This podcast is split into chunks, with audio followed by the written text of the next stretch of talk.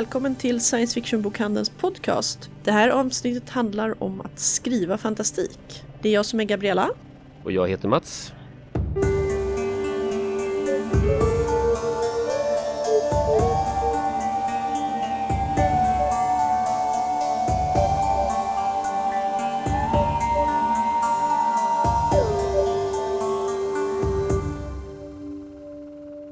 I det här programmet så kommer vi bland annat ha en intervju med Theresa och Patrick Nielsen Hayden som är redaktörer på Tor och även eh, lyssna på en liveinspelning från när Ellen Kushner och Delia Sherman var i Stockholm där de pratar om hur det är att skriva hbtq-fantastik. Men eh, först ska jag och Mats snacka lite mer allmänt om att skriva fantastik, skriva science fiction och fantasy. Så Mats, du har ju jobbat med böcker och eh, fantastik ganska länge, eller hur? Hela livet typ? Hela livet typ? Ja, det var att ta kanske, men, men sen, sen någorlunda vuxen i alla fall. Ja, vill du, vill du berätta lite om eh, på vilket sätt? Ja, först eh, och främst naturligtvis SF-bokhandeln som, som jag ju var med och grundade en gång för tusen år sedan. Eller 35. Eh, ja. Eftersom jag var en sån där unge som, som jag läste böcker alltid jag misstänker att många som lyssnar på det här känner igen sig själva just i det där när man var, var barn och man läste böcker hela tiden, alltid.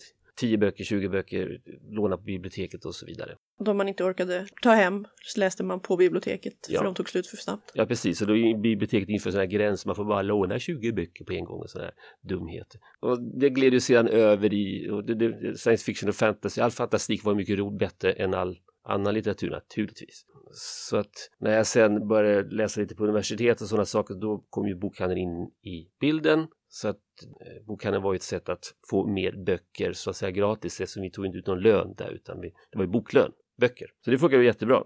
Sen blev ju bokhandeln då ett yrke med riktig lön och blev en stor verksamhet som det är idag. Så det, det är min röda tråd. Men, men eh, jag hade ju inga planer på Alltså jag hade ingen tanke på att jag skulle bli bokhandlare till professionen så att säga utan jag ville in i förlags, i förlagsbranschen, bok, bli bokförläggare eller åt det hållet. När vi pratade om eh, Margaret Weiss och Tracy Hickmans eh, Dödens portcykel så mm. nämnde du någonting om att du har minsann varit redaktör för dem. Ja, det stämmer. På så, svenska alltså? Ja, för att göra en lång historia kort så, så under många år så jag granskade översättningar åt olika bokförlag som B. Wahlströms, Bonnier Carlsen, Natur och kultur. Jag, läs, var, jag var lektör, som också värt en liten sido. Det var jätteroligt att vara lektör, man läste alltså sjukt mycket manus, antingen originalmanus av svenska författare eller böcker som förlagen funderade på att översätta. Ja, ibland var det inte så särskilt roligt alls, för mycket var inte så kul att läsa, men det fanns ju det som var jättebra.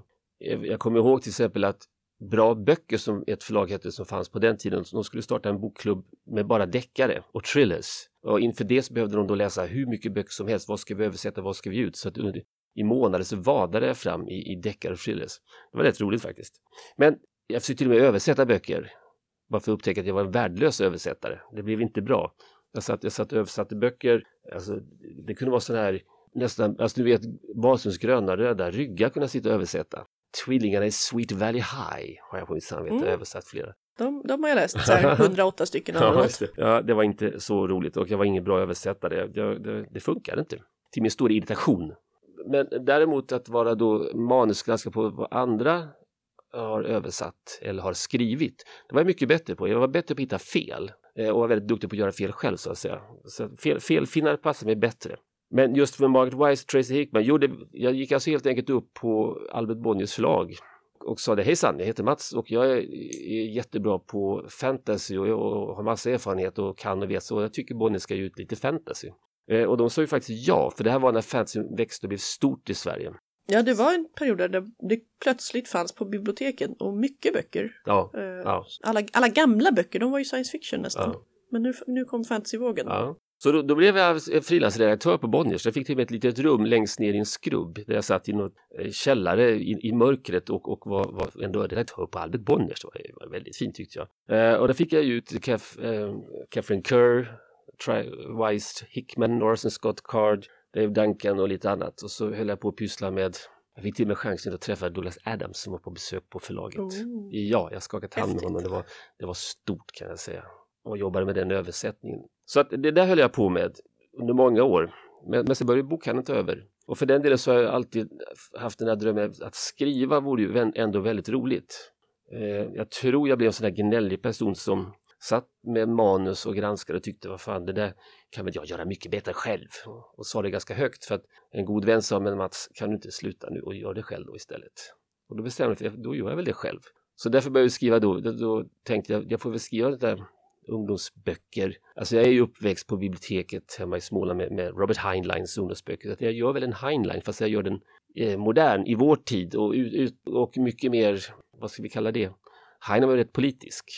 Och det kan väl jag vara också, men jag, jag är mer för tillsammans istället för Heinleins jag. Mm. Lite, lite mindre libertariansk. Ja, det kan man lugnt påstå. Ja. ja. Eh, så att då, då, då har jag skrivit ett par böcker och tredje boken kommer nu till påsk. Ah. Fick jag det sagt också.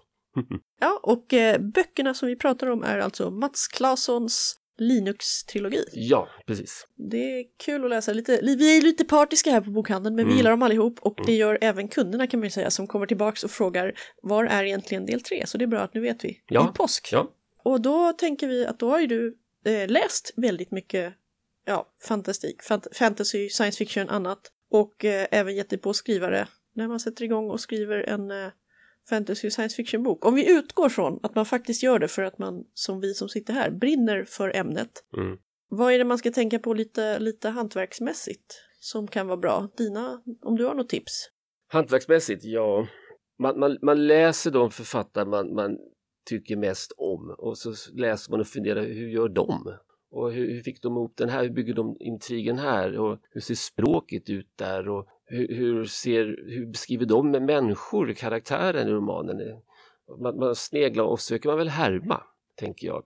Men sen härmar man så skriver man ju och skriver om och sen så plötsligt har man nog gjort någonting själv. Så att härma, det tror jag på. Sen tror jag väl på att man inte ska snegla för mycket på vad man tror marknaden så att säga vill ha utan det är bättre man skriver det som man själv det, det som man har med sig i hjärtat, det man vill skriva. Vill man skriva fantasy med, med uh, high elves eller trollkarlar så gör det. Kanske det är just den typen av fantasy som är störst just nu men om du är det du har inom dig så skriv då det. Försök inte att konstla till det. Ja, och eh, några av de här tipsen får vi även höra från Teresa och Patrick Nielsen Hayden vars inslag vi hör strax. Och det upprepas även i Stephen Kings utmärkta lilla handbok, vad är det? Att skriva en hantverkares memoarer på ja. svenska. Där jag tror också att han råder en till att när du har manuset, då kan du börja tänka lite sälj. Eh, ska, jag putsa bort den här biten för att den var för våldsam för tolvåringarna? Eller ska jag göra den mer våldsam för jag är Stephen King och folk vill ha mer slafs? Men eh, inte när han sätter sig och börjar på boken. Men vi ser vad paret Nielsen Hayden hade att säga när de var på besök här hos oss. Och lyssna noga för de vet typ allt om att ge ut science fiction. I'd like to extend the warmest welcome to Teresa and Patrick Nielsen Hayden from Tor Books. Would you like to introduce yourself a little bit? Sure. I'm Patrick Nielsen Hayden. I've been involved in the science fiction world and fandom since Mumbley Bumble, oh, 42 years, 1975. I've since 1988. I have worked for Tor Books, starting as a relatively low-level administrative editor, um, and uh, gradually going from job to job. I'm now one of the two associate publishers, along with my colleague Devi Pillai but I still actually um, edit a um, relatively small list of authors that uh, mostly authors that I uh, found and have developed myself, such as John Scalzi, Jo Walton, Ada Palmer, um, a couple that I did not discover, like David Weber, um, and uh, a few others. Other than that, I've done a lot of other things in science fiction, such as help run conventions, publish fanzines, um, produce weblogs, and generally be an uh, online around. an online activity. Say, Teresa Nielsen Hayden, who are you? Your wife. Oh. Uh, for how many years now? Uh, mumbly mumble. Um, 79. yeah, anyway, yeah, yeah. Uh, hi, I'm Teresa Nielsen Hayden. I got into the science fiction community in 1976, I believe, and have done many of the same things that Patrick has because we've been sort of glued together the whole time. I am a consulting editor for Tor. I was once Tor's managing editor for a while, a long time ago. Um, I've also been a literary criticism reference series editor. I've edited comic books impossibly optimistic novels about interrelationships between human beings, and yes, that's a euphemism. Um, what else have I done? Oh, copy editing, proofreading, etc. And And A blog? and and and, and and I started a blog called Making Light, which now has several co-bloggers, and it's it's it's not been too active lately, but uh, but when it's good, it's I think very very good. the the commenters are the best part. The commenters have always, the readers and commenters have always been the best part of it. And you've both helped promote and discover and edit a number of our most popular authors here in the store. Tor, as a publishing house, too, continues to bring out uh, some of the most exciting news uh, on the shelves. I was when I first started work. I started working at Tor before Patrick did, and uh, the the first one of the first things that struck me about it was I was, I was looking at the um, schedule of forthcoming books, and it was the only one I'd ever seen in in the publishing universe that divided up fiction as science fiction, fantasy, horror, and mainstream. Because the mainstream does not call itself mainstream; that's strictly a science fiction term. And I said, "Okay, this is True Believers." which was fine with me. I was I was so happy to be there. The the organization that call that, that everybody calls Tor Books is actually a, a company, a publishing unit called Tom Doherty Associates, um, which is part of um, the uh, New York part of Macmillan, which is part of the worldwide Holtzbrinck publishing empire. Um, so we are you know, corporate cousins with Pan Macmillan in the UK and with Fischer in Germany and like three other trade German houses because Holtzbrinck. Holtz, and for our Yeah, and- Straus yeah. And St. Martin's Press the- and Holt. and Holt and and, Scientific American, Nature Magazine. Those, these are all parts of the. You know, basically, Macmillan is the brand that the Holtzbrinck Worldwide Empire uses for all of its English language publishing, both in London and New York, and elsewhere. Um, and they love us. This is, they, they know that we're really, really good at science fiction and fantasy. And also, um, one of the nice things about the whole Holtzbrinck slash Macmillan uh, um, extravaganza is that it's completely privately held. There's no, uh, you know, um, meeting shareholder profitability goals. I mean, it's owned by Germans, and they, you know, they want to know what's happening with the money and how much is going in and how much is going out. That's and, just orderly. But that's just yeah, that's just orderliness. They're they're we actually could use a little bit more of it, you know. They've actually been very supportive of all kinds of, uh, of of experimentation and initiatives. They were supportive of us going DRM free in our ebooks some several several years ago. Once we made the case, We were the what were the first first So major publisher in the U.S. Still, practically the only, if not the only, then one of the very few um, imprints of uh, any of the big five conglomerates in New York City to be DRM free. Baen is DRM free, but they're they're indie. They're they're not owned by any of the big five. They are, of course, the other publishing company that's what true believers for science fiction is in in the in the U.S. Yeah, I mean, I, I would certainly count Gollancz in in uh, in in the U.K. oh as, yeah, you're as, right. as I'm sorry. Yes, I was I was being American centric. Things like Tor.com, the website, which uh, with all the free original fiction and so forth, which which costs money and um, um so forth, is um, has been a It seed. costs us money. Yeah, um, it, has been a seed readers. seed bed. Uh, exactly, it's it's free to the readers. Um, it's been a seed bed for all kinds of experimentation that uh, Macmillan and Holtzbrinck above Macmillan has been very supportive of. You know, mo- most recently, the uh, the Tor.com imprint, which has been putting out uh, one or two um, novellas in both e and paper form, um, original novellas a, a month. Um, for a couple of years now, and uh, the, the current Hugo ballot is the novella category is completely dominated by Tor.com. novellas. Yes, we have we have several of, of them. Are you actually stocking the paper versions? Yes, the, the, these are the ones that have uh, Binti and uh, A Taste of Honey Sure, and yeah, uh, The Ballad of Black Tom. That totally right? makes sense. And- Yeah. They're not the only novellas we sell uh, as solos, but almost. And many of the others are. We have some Swedish publishers who also put out short ones, Mm-hmm. and they have they do sell well. For, because they're good and also because they have gorgeous covers. Yeah. You want to pick up the book and look, what is this? And then because they are well chosen, you're not disappointed when you read the blurb. Mm, They're they're they are they are attractive. I've seen people you know run into a stack of them for the first time, and it's oh this is nice and this is nice, and this- which is which is a great reaction to see. This is Tom Doherty who, fo- who founded Tor. For as long as I have known him, been plotting and trying to figure out ways to sell novellas because they're such a they're such a great length for science fiction, and for such a long time there were there were very few places where you could publish them. So it's it's really nifty to, to, to have them have them coming out now and have it have it be selling. Yes, and finding new readers. We we do carry paper copies of the classic science fiction magazines to Asimov's and uh, FNSF. but they are going to a usually a rather small dedicated audience.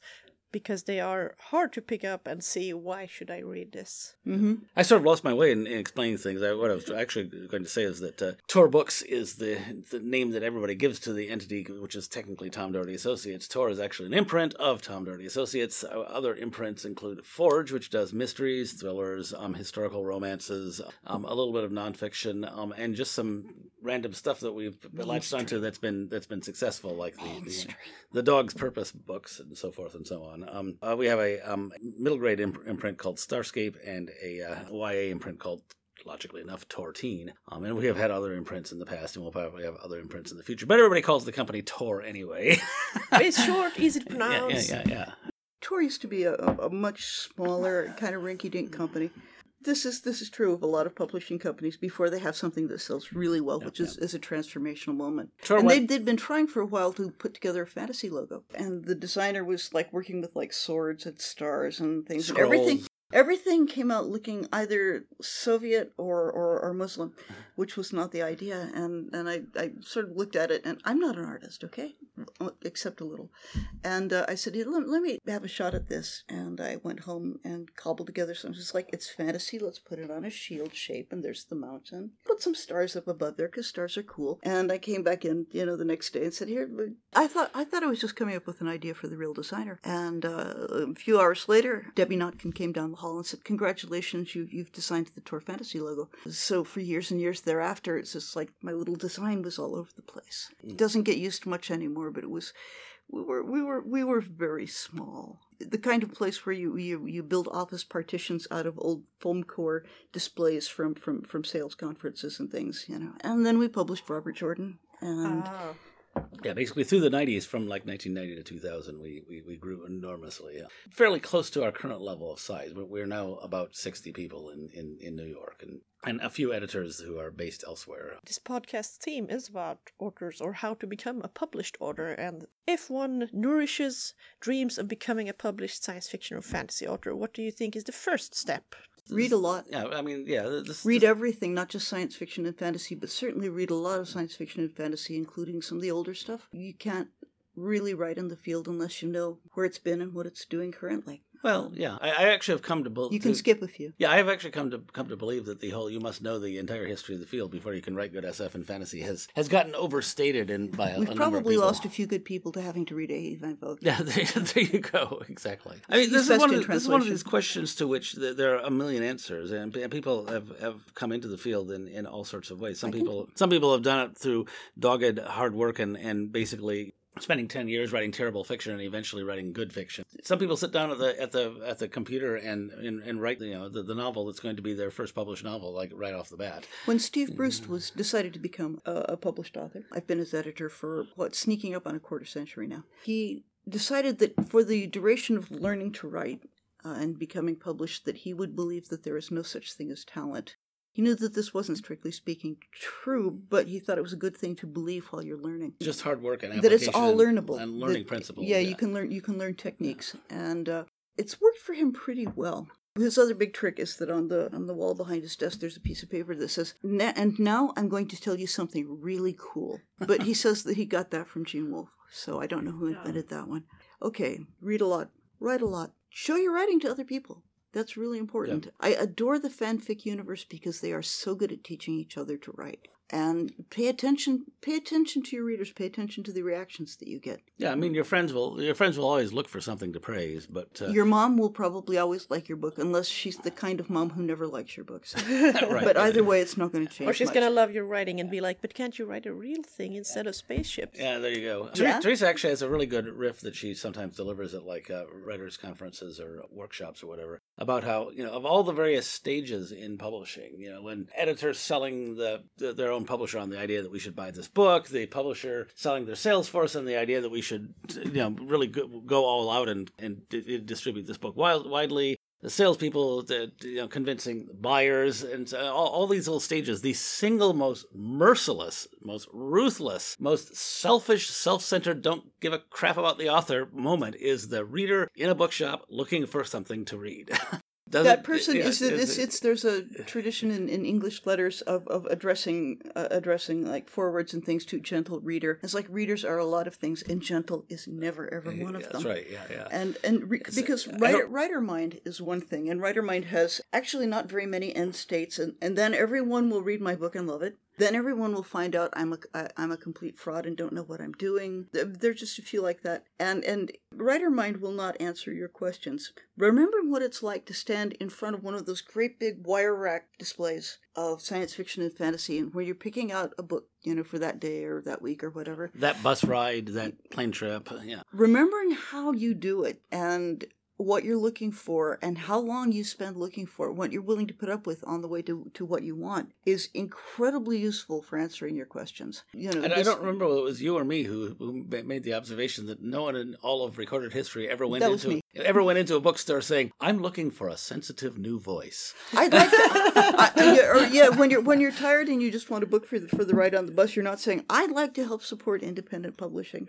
You know, it's like no, it's a good thing, independent publishing, but that's not what the reader is thinking of at that moment. looking for a reliably interesting. What you want is what you want is to open a book and have something sound kind of like Scott Lynch is narrating it. Maybe you know, mm-hmm. he's incredibly funny Yes. and lively and gets right into the story.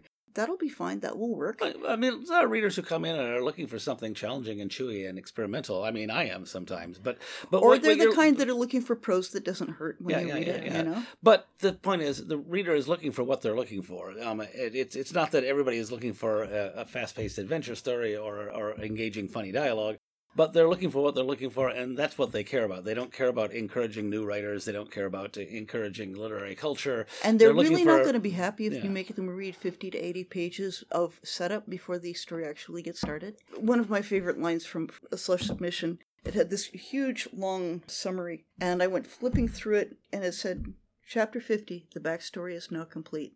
Like, maybe I'm not going to buy this one. Because you have to be Tolkien to start with on pipeweed. Oh yeah, yeah, and, and, and or, or when, when when when when you open a slush submission and it says this is the first novel of a projected seven novel series, and my heart sinks a little bit, even though I've read plenty of seven novel series, uh, because their attention is not primarily on this book, and if the reader doesn't love this book, you know, it doesn't matter what else you have in mind. This is the one they want to ravish them or delight them or or, or, or make them feel really good. I do want to say something about the universe of unpublished fiction, of of, of slush, of Just a point out, a slush pile is the Un- pile. unsolicited submissions. Yes. Yeah, most publishers don't actually even look at unsolicited submissions. Tor, Tor does. Tor does. We don't necessarily read all 500 pages if we, of an if we don't stay on top of them, oh my God, they stack up like you would not believe. Yeah, but we do, we do, and occasionally we buy something out of this, uh, out of the slush pile. I Oh, mean, yeah. it, it has been known to editors, happen. editors love finding good stuff in the slush pile. It like makes our year. Yeah, we're, yeah. We were we're walking on clouds. Yeah, my my, know? my my one and only experience of buying a, a unpublished author out of the slush pile was a book by called China Mountain Zhang by Maureen McHugh, which has since gone on to be considered a minor classic. And you know, I found this in the slush, um, like in my second, third year in, at Tor, and it distorted my no- notion of just how much great stuff there was um, uh, in that pile of unpublished uh, writers for quite a while. People do have a distorted notion of. Um, they tend to have a notion that there's a big cloud of good science fiction and fantasy that has been you know rejected by all the publishers because we're so hidebound and straight laced and stupid preconceived notions. And every so often you do hear stories about, in both science fiction and fantasy, and also in, in just the rest of fiction publishing, of fantastic books like One Flew Over the Cuckoo's Nest or A Confederacy of Dunces, supposedly re- rejected by 50 publishers. Those So- stories are almost always false when you check up Yeah, when you actually fact check them. they're, they're, they're, usually, they're usually at best exaggeration. Margaret Mitchell's editor came in to talk to her well before Gone with the Wind was finished.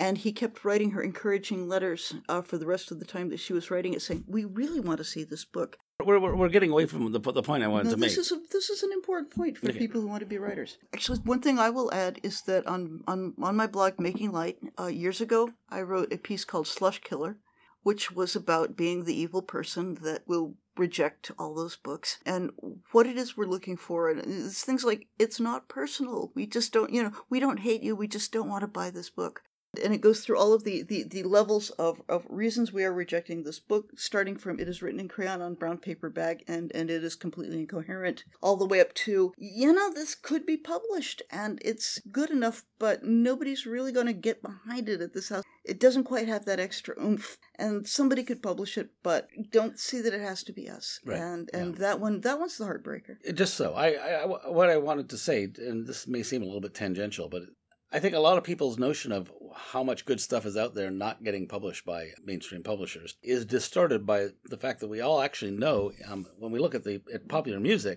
everybody knows there are tons of great bands that are going unsigned everywhere, and, and, and many of us are socially acquainted with multiple great bands that are going unsigned because there actually is an enormous amount of good, creative, terrific popular music in every genre you can possibly think of going unsigned.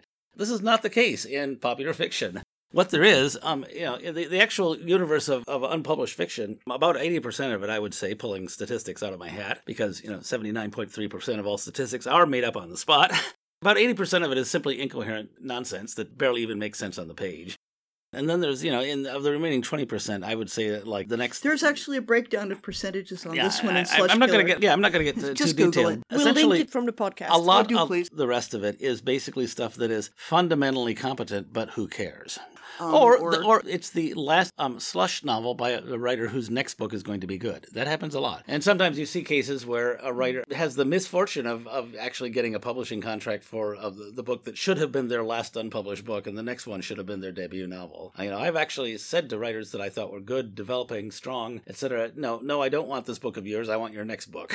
Yeah, this Yeah. this this this is theoretically publishable, but this is not the level at which you want to come into the field This is- because you this- tend to get typed. That's right. Yeah. You, you- Yeah. you would not make. I, I- I believe you're going to make a splash, and you would not make the splash I believe you're going to make if we go out with this book. I know for myself, if I'm personally reading, not because it's a job duty, I do judge authors after one book, and it will take a lot to bring me back. Yep. Uh, if if I didn't like it, because we have so many amazing books, I don't have time to read all the ones I want to read. Exactly, you are you are absolutely The- yeah. the- That is the- how it works. The rule is you only get one chance to make a first impression. In fact, it's easier to change your name and start over again than to than to get past that. Well, Especially then- if you've seriously disappointed the readers, they're not going to get over that. A, a related axiom in book publishing is that the hardest thing to sell is not a first novel; it's a third novel. hmm You know, the first novel, everybody loves first novels. Little Excited about zing them. of I mean, hopefulness, Some, you know? you know, some first novels get an enormous marketing budget and a ton of push. Some less so, but everybody has a kind of warm feeling about first novels. They, they, they wish them well.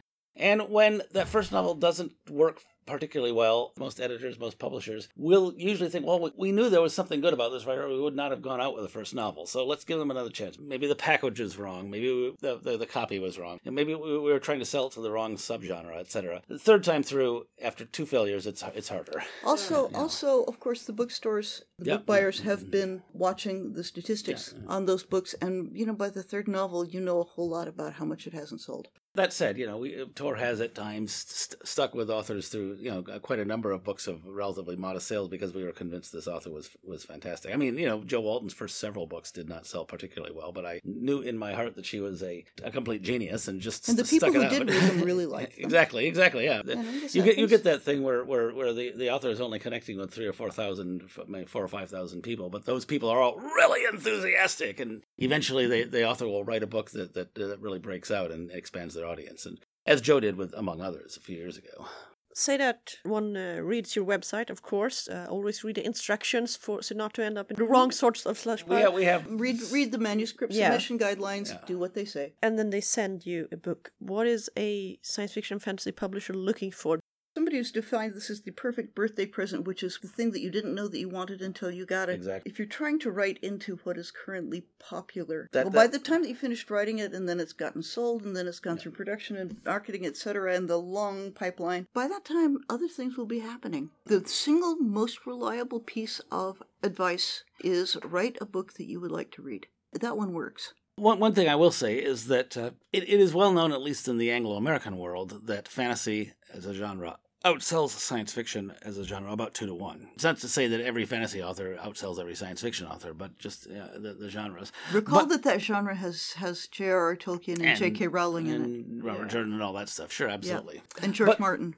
What what this leads to is that uh, a really disproportionate number of aspiring writers um, are trying to write fantasy, and not enough of them are trying to write science fiction. I, I don't have hard figures, and it's just an impression from years of teaching writers workshops that composed primarily of unpublished writers. But yeah, we get people coming to these things who are like like teaching one of the sciences at Harvard University and they're writing fantasy. And they're writing fantasy, yeah. But basically, right. fantasy outsells science fiction by two to one. But you know, four out of five aspiring writers are trying to write fantasy. Then science fiction is being underserved. And I think that most people in uh, I don't know about the the London um, English language publishing, to say nothing of European publishing in various European languages. But in New York, I think almost all the editors and almost all the big five science fiction fantasy imprints would agree that we don't get enough good, strong science fiction, uh, particularly from new writers. We're really excited when we get some. There's more fantasy than the market can absorb, and not enough science fiction. So my And by biggest the- by the way, single some- piece of advice is, you know, if you can write science fiction, please do so.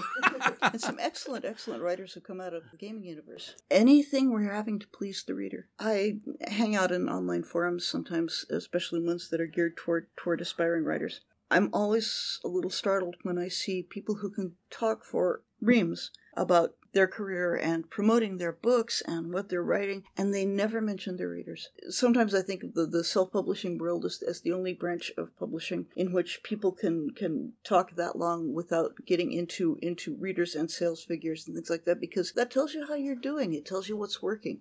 Sometimes I'm asking, well, how can I tell when I'm good enough to submit stuff professionally? Say, well, you have a beta reader, right? You have like more than one beta reader, ideally. Are they bugging you for the next chapter? Are they apologizing for making extra copies that they gave to two of their girlfriends and their mom? Are they saying, oh my god, I screamed out loud when I got to thus and such line? Good sign. Yeah, definitely you should start start submitting stuff. If you're not getting that kind of reaction, if you're not getting the I like this book a lot reaction, then figure out why not. Writing is about what you can do to the reader. What can you make them see in their heads? You know, how fast can you make their heart run?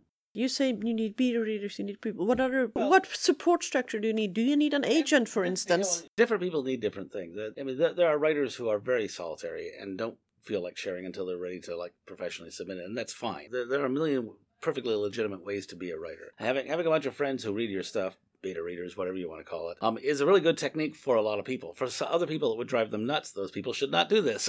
Well, there are, there are, there are Yeah, certain yeah, um, exposit. I teach writing every year at Viable Paradise Workshop. We both do, and and I always I, I teach expository writing. And one of the things I point out to them is that there are certain expository problems that you cannot see yourself if you're the writer. For instance, when you know that fact A, B, C, D, and E all add up to this thing over here, and you can see that, but because you know that that's what it means, you're not going to see the fact that those same facts could be interpreted as meaning this weird, completely different thing that the Yeah, readers are yeah. going to pick up on, and and they're going to feel they're going to feel disappointed and strange when when it turns out that this was never true. Beta readers are very very good for that kind of thing.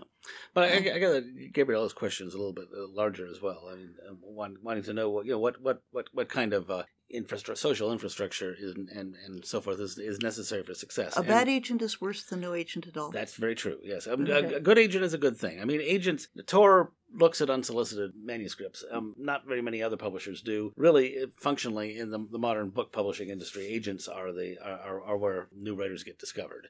Teresa and I are both a little bit ethically constrained from recommending specific agents, but it is a taboo of our tribe that Yeah, we do yeah. not talk about that because it's conflict of interest. Yeah, I love dealing with a good agent. Having an agent in the loop makes everything easier. It means we can the agent and I can The have- agent can handle the business stuff and the, Yeah. all those difficult discussions, and that means that you can talk to the writer about the book. about the writing exactly. So I'm very pro agent, even though you know some writers opt to go agentless, and that's uh, that that's their right. You know, as for finding a good agent that's a good match, um, your best bet is to is to network, get to know writers who have just who are new, who have just started publishing, et cetera, et cetera. So you know, science fiction fandom, the convention world, workshop, you know, just subscribe to Locus and Do a you nice know, complicated yeah. Google search on dedications to my Yeah. agent. Yeah. Pretty easy to find out who who is whose agent. I've, if I wanted to know who is Scott Lynch's agent, I'm just mentioning Scott because his name just came up. Yeah, I would I would Google quote mark Scott Lynch close quote quote my agent quote close quote, and probably I would find some post where he said or he said something like, "Well, my agent Don Juan Song." Um, in, in New York publishing, You Big know, Five yeah. publishing,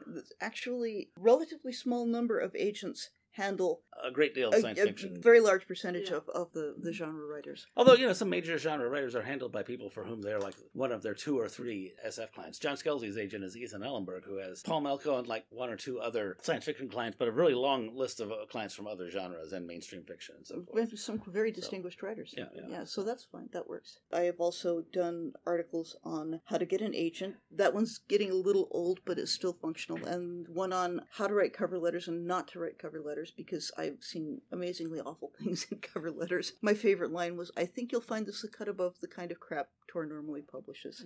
We've um, had some aspiring authors come into the store and be like, I don't actually read science fiction, but I don't like it. But I thought you could tell me what sells, and uh, because I'm going to write a better one. Which, which of course, does That- not. Everyone who works here is a fan of science fiction or fantasy or board games, but I mean, in, in the YA and children's book world, of course, the equivalent of this is people who think that they'd like to write a YA novel or a children's book because there are fewer words and So that and must be less- easy. Less typing, It so must it must be be easy. Exactly, yeah. Oh yeah, it must be easy to write comic books too, because they don't have very many words at That's all. right. Man, there's an overall piece of advice that does apply here, which is never write anything that you don't respect. Yeah. It will show. Yeah, now Neil Gaiman has been saying this for years. He's, he's never, never, never sell anything bad. Is his line, Exactly. which is great. Even if somebody advice. wants it, even if somebody's there with money, don't. the money may be nice, but the reader will never forget. That will become part of their overall picture of you as a writer. That you are capable of turning in something that that, that disappointing. Remember that person standing in front of the book rack. You know, it's like, oh, it's an it's a so and so. Well, he did write that thing. That will stay with him forever. So Teresa um, um, uh, mentioned making a noise like a writer, so I'm going to make a noise like an editor and recommend two books not published by Tor, published by NESFA Press, the New England Science Fiction Association. going to do this. Um, um, one of them was published in 1994 and it's called Making Book, and the other one was published last year and it's called Making Conversation. And they're a pair of essay collections by Teresa Nielsen Hayden, which cover a whole bunch of subjects, but one of the subjects covered is the stuff we've been talking about how to you know, how to make your way as an unpublished or a not very published author. There's an excellent, excellent essay in the first one, Making Book, called On Copy Editing, which is Which is basically about how to copy edit science fiction and fantasy. specifically uh, science fiction. That started fantasy. out as an in-house document. That's right, yeah. These are highly readable, breezy, funny, fun essays, and and on other subjects such as pygmy mammoths and uh, Claude um, Degler Claude and- Degler, medieval, medieval epics, uh, the, the basic structure of the medieval epic, um, Magnus the Great and Charlie the Tuna. Oh, Uh, that, that, that's that's that's the one about about trying to do primary research in a field that has been thoroughly messed over. I Um, was I was going to ask about that. I've looked for some how to write books, how to write science fiction, and I find a big lack of how do I fake world building a Mm. planet when I am not Kim Stanley Robinson. Ah, Is there okay. is there anything in that? A Has Well, I do, I do I do a lecture on it every year at Viable Paradise. You know, somebody by now has probably put their notes up online.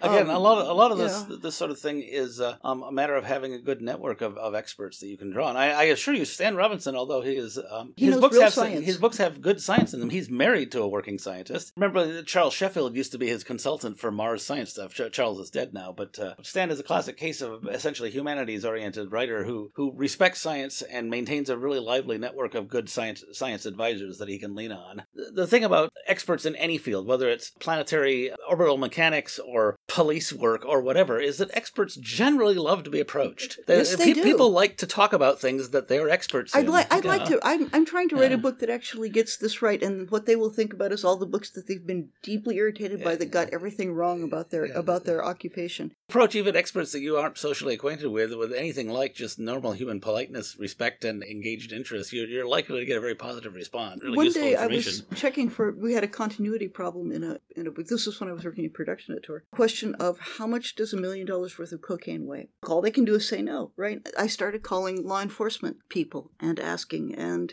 getting various questions. And when I finally got a fairly high level FBI guy who said, Oh, that's a really hard question to answer. I mean, are we talking like retail or wholesale? How many times has this been What year does this take place? And he was ex- apologizing for not having a good answer. And I said, No, no, you're the person I should be talking to. And this guy was, as I say, a fairly high level official, but he took the time to tell me because they do like to get things right. Let's see. What are the basic rules for these things? You have to know everything about your world and then you have to leave out about 95% of it because the, the most magical ability i know of that readers have is that if you've got fact here here and here widely separated if you know firmly what's in between there. They can feel that it is firm and present, and sometimes they can infer it in considerable detail. Though frequently it's enough for them to feel that there is an explanation and it's a good one, and then that's fine. They don't actually Exactly. need to know You it. trust the author to know that this is how it works. I don't actually have to know orbital mechanics. yeah, you just have to not do anything that will cause them to go, hold it, I don't think that. Uh, mm, no.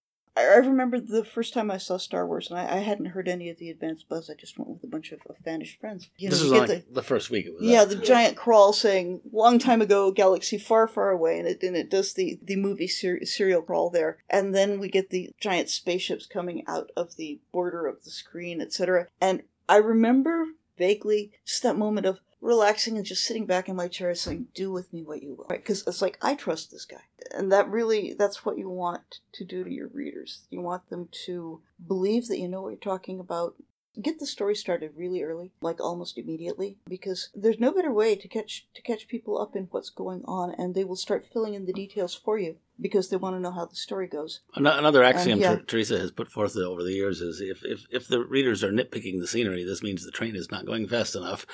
Yeah it's it's what you want to do is you feed them just enough details to know what's happening and then they will compile it in their heads into a movie and they will be really happy and they'll think that you've done all the work which is great you know? Works just fine if you start adding more and more details because you want it to be clearer. In fact they will the train slows down the movie slows Yeah. down and it becomes less clear. Every detail that you put in is an opportunity for the reader to argue with you. Don't put in any that you don't need. I've seen young writers get into more trouble with filling in a fact that they didn't need to fill in and getting it really wrong than almost by any other means. You know everything or at least you know every uh, all the things that you need to know you know solidly and then you leave out most of it. When people are reading it if they're saying i thought that was really interesting i wanted to know more about it the answer to that frequently is good. That that feeling of this is really neat i wanted to know more about it that's that's nearly perfect reaction. That does not mean that you actually have to, to add any I do sometimes see novels and stories that were clearly written by somebody who uh, um, had a good idea and a pretty good first execution, and then and then they went back and rewrote it several times because people kept telling them that such and such detail is really nifty. There should be more of that. You know, they, they, and there gets be so frequently much the re- sea- re- seaweed you can't see the yeah, fish frequently the Yeah. response to that should be, as Teresa said, "That's nice," and just leave it exactly the way it is. I think this is not true, but I've heard the rumor passed around among Swedish authors that if you are a non US author and it says that on your cover letter you will be passed away, the editors won't want to handle you. Is, is it true or that's, not? That's totally true. our attitude. That's why we we, we, we did we didn't publish the Three Body Problem, which won the Hugo Award and all that. Then there's that the, the, the foreign weirdo Ken MacLeod. Yeah, Ah, no. come on, how many how many overseas authors do we publish? we're, we're Yeah. publishing a lot. Actually, we're, we're, we we seem to be entering into a new golden age of uh, English language publishers publishing science fiction from the non-English speaking world in translation. All you have to Yeah. Mm-hmm.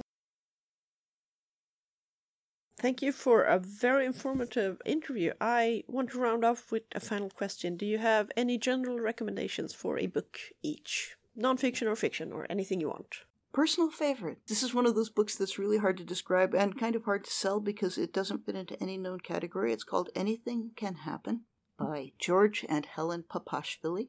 And it's a series of, um, they're not quite short stories, but, but loosely related chapters about an immigrant from, from Georgia who comes to the United States in the 20s or 30s and, uh, and what happens to him there. He's learned English, but he, al- he already knows about eight other langu- languages. And what he, and because he's working with other immigrants at that level, he, he picks up what he calls immigrants English. So it's, it's, the diction is a little odd, but infinitely readable. And, and he and his wife are born storytellers.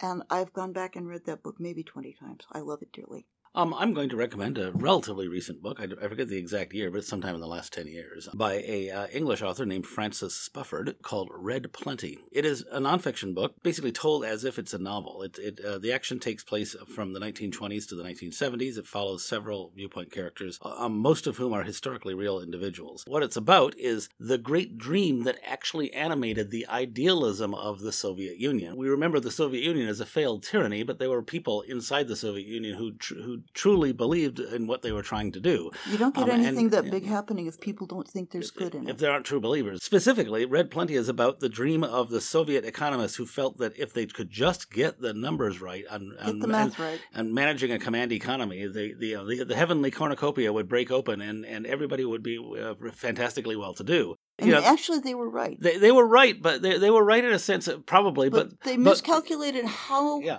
Complex the math Yeah, would basically, be. uh, 50 years from now, we might have computing power that could actually do that. We, we probably don't now, and we certainly didn't in the 20th century. No. But But they but gave it a good try. conceptually, they you know, and the whole idea of the book, it, in in some sense, it sounds just dry as dust and boring as hell. And No, Spufford it's makes it makes it into a fabulously funny, moving, tragic, all the human emotions. Um, it, you know, and he doesn't shy away from the the fact that you know the, the forced labor camps, the, the people being disappeared to Siberia, and all that stuff. It's it is just an amazing It, ex- bravura it explains piece that, of that, writing. that thing that you never hear about. What were they trying to do, actually? What were they Yeah. actually thinking? I, I will also just very briefly recommend him his. I recommend any, any of his several nonfiction books. Um, but uh, most recently, he just published um, last year in, in London and just like a month and a half ago in New York. His first actual novel, novel, or actual work of complete fiction, Golden Golden Hill, Hill. um, a historical novel about New York City in 1745. Um, which I'm not going to tell you anything about the plot and storyline because it's one of those super tricky books it's a really good book. It's ca- it's captivating, and when you get to the end, your your your your eyes will fall out.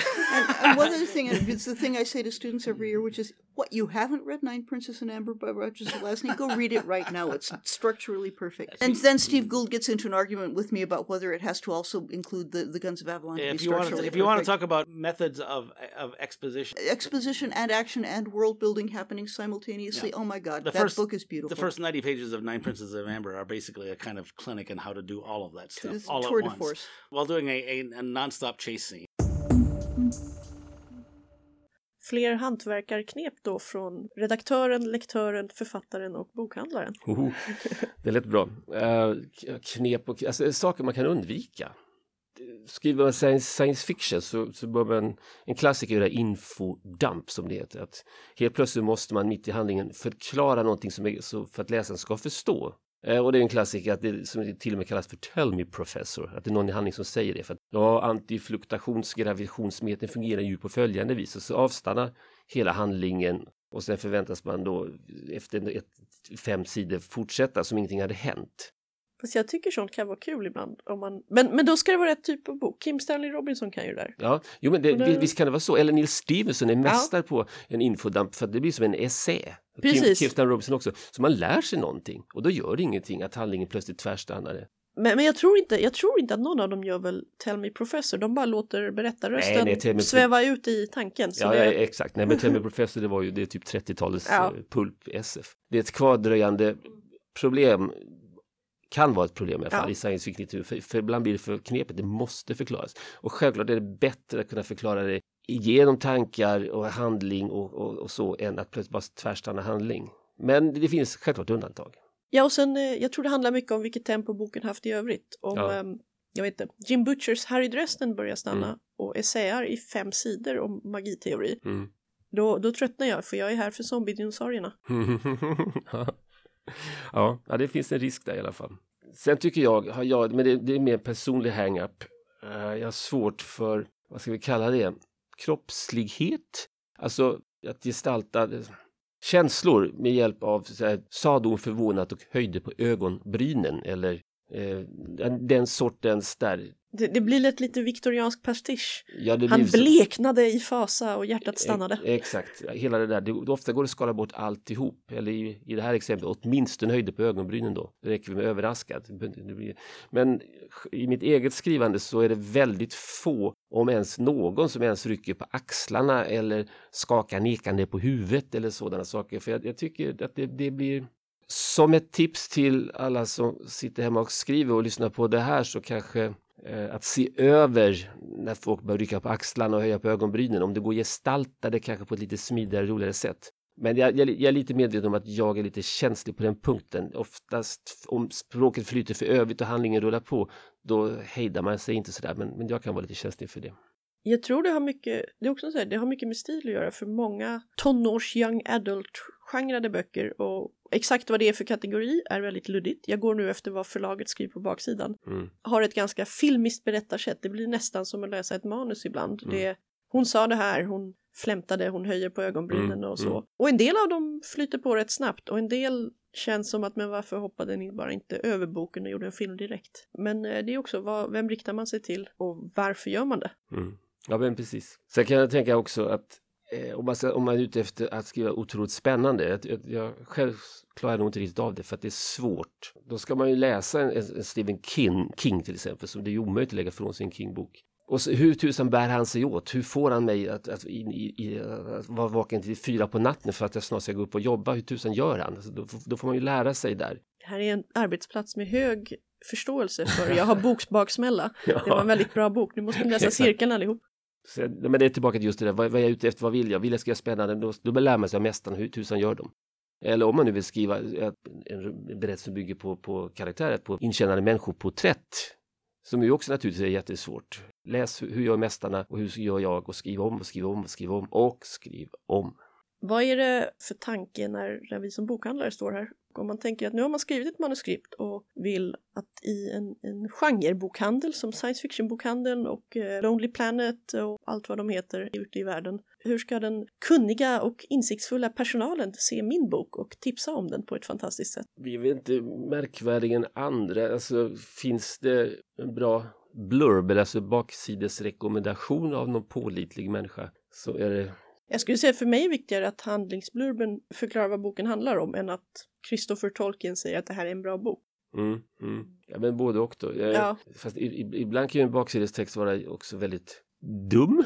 Ja, För men, att den komprimerar en bok så, på tio rader så man känner, jaha okej, här var det trollkarlar igen, okej, det vet, det var, det var Ja. inget nytt. ja, och ibland så tänker man, har, har personen som skrev blurben läst boken? Mm, Det är mm. lite synd när det är en bra bok. Eller när omslaget kanske inte helt matchar innehållet. Som eh, Louise McMaster Bujols, ett av hennes eh, Vår Kåsigan-omslag visade jag för någon som skulle köpa den åt sin dotter och som studsade bakåt i förskräckelse för det är en man med tre halvnakna tjejer runt sig och jag är såhär nej nej, det är politiska intriger och hon är inte alls den typen av författare som skriver nakna brudar. Omslagstecknaren hade inte riktigt koll, jag ber så mycket om ursäkt.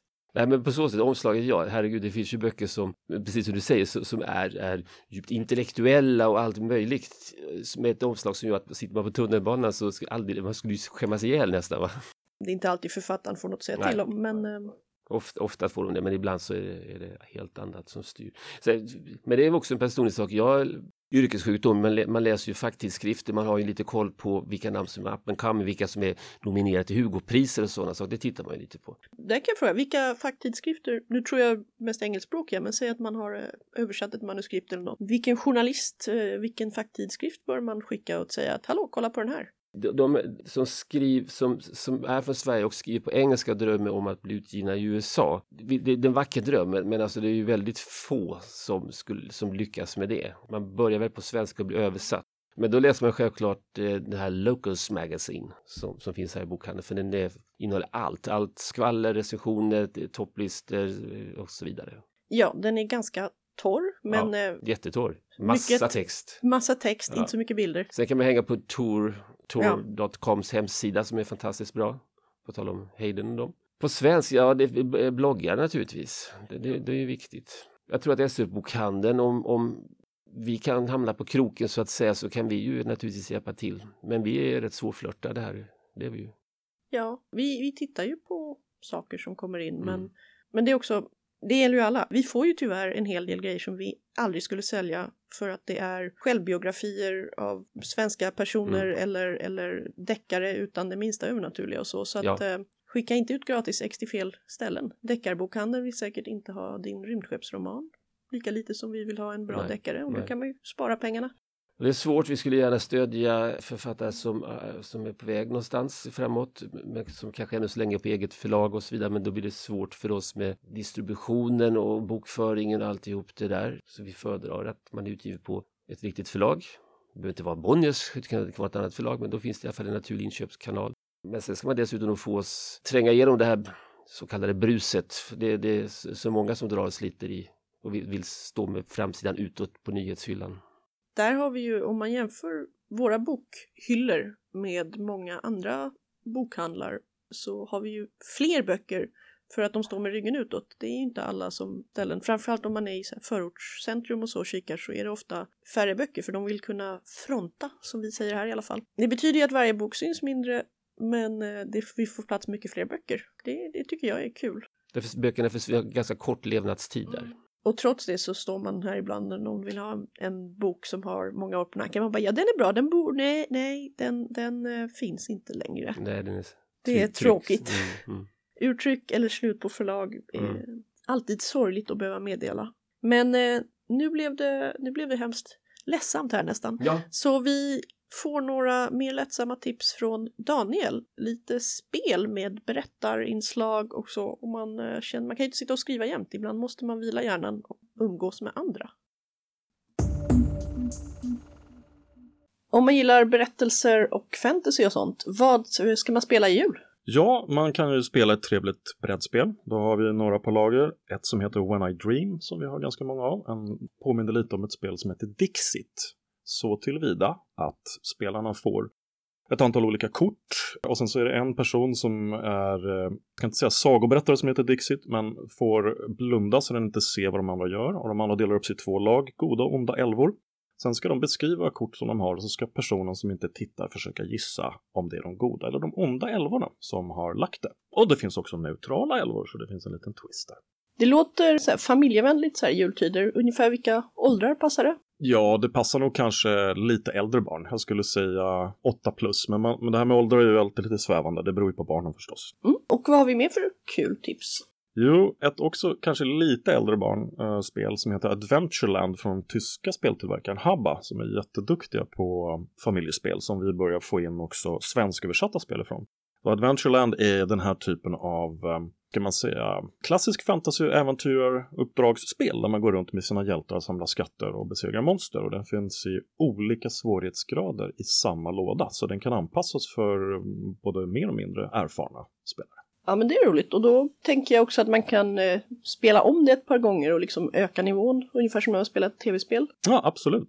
Det är ju lite Heroes of Might and Magic-artat i upplägget. Så du går ju omkring på en karta och gör uppdrag som en bold hjälte. Så. Ja, har vi något avslutande tips innan vi återgår till hur du skriver din egen episka roman? Mm, på sagoberättande så det är ursvenska nyutgåvan av sagospelet Äventyr som är ett rollspel ursprungligen författat av en pappa och hans, som jag minns korrekt, då sexåriga dotter. Så det är verkligen gjort för, för unga barn och det är perfekta introduktionen om man vill sitta och spela rollspel och här får man ju verkligen skapa sin egen saga genom att det är eh, Stranger Things, eh, Dungeons and Dragons liknande sitter och berättar helt enkelt och um, väldigt fina illustrationer och väldigt pedagogiska och enkla regler.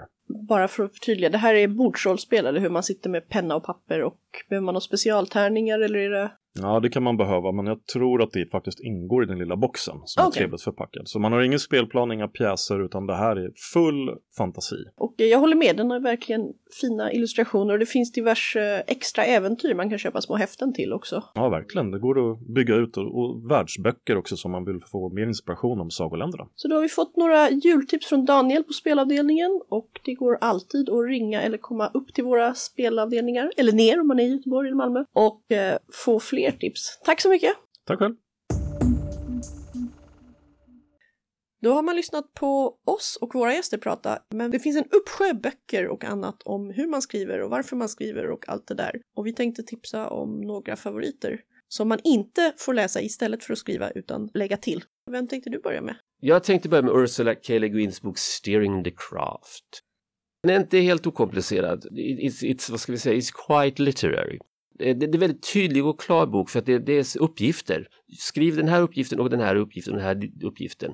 Gör det själv eller gärna om ni är en liten grupp och samarbetar kring uppgifterna och diskuterar. Så, och det verkar jätteroligt, det skulle jag gärna vilja göra men det, det har inte blivit av. Men eh, det kan ju också vara då, här är en dikt av Emily Dickinson. Läs den 7, 10, 12 gånger, analysera den och skriv en likadan fast med annat innehåll och så vidare. Ambitiöst, har ni tid så rekommenderas den varmt.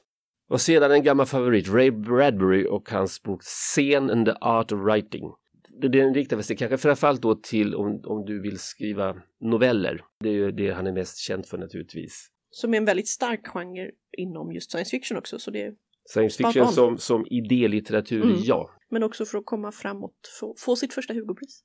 ja, precis. Och Ray Bradbury vet vi som har läst honom, han är ju också, kanske inte så mycket science fiction egentligen, men det är ju ofta på Mars eller, eller i framtiden. Äh, men han är ju en mästare i språket och en mästare på, vad ska vi kalla det då, känslor, melankoli och en hel rad sådana saker. Det, det var ofta väldigt vackert. Det jag kommer ihåg framförallt ifrån att ha läst den här boken för länge sedan var det att han ställde sig själv frågan, eller hade fått frågan i en intervju, när är du klar med din novell?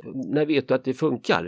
Och hur bär du dig åt? Och då sa han just det, jag skriver om den och jag skriver om den. Jag skriver om den fem, jag skriver om den tio gånger säkert. Och klar är jag när jag har läst den och jag upptäcker att jag sitter och gråter.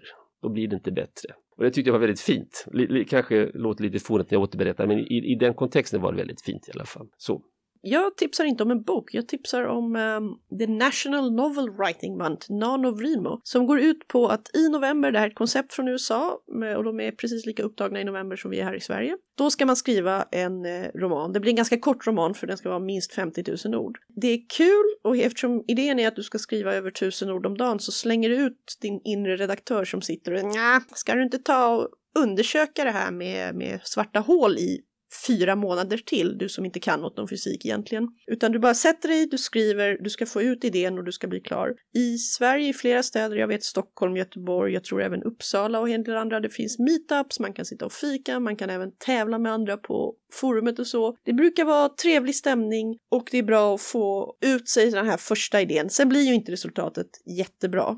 Men antingen lägger man det bara åt sidan och säger det där var kul, nu ska jag skriva lite mer på riktigt. Eller så sätter man sig och redigerar om det och lägger till och tar bort och fixar. Och där får man infördampa hur mycket som helst, för det enda som räknas är orden och att komma framåt. Kul återkommande grej, det har även dykt upp ja, en lättare version som de kör på sommaren och på våren om man inte orkar vänta till nästa november. Mm -hmm. Och därmed är vi klara? Vi kommer lyssna på Ellen Kushner och Delia Sherman nu från deras livepodd i augusti när de var här i bokhandeln och vi diskuterade ämnet Writing LGBT in Fantasy. Okej, okay, vad roligt. Thank you all for coming, dear audience, and Ellen Kushner and Delia Sherman to this little talk, which is about writing LGBT characters in fantasy. And uh, we are going to record this talk. So I would really appreciate it if anyone can check that their cell phones are on soundless. Uh, and it is going to be aired uh, on the Science Fiction Bookstores podcast later this year around Christmas time when we also have another interview with some really good editors. So if you're interested in writing, tune in on around Christmas time. Yes, let's start with a big Welcome to Ellen Kushner and her wife Delia Sherman.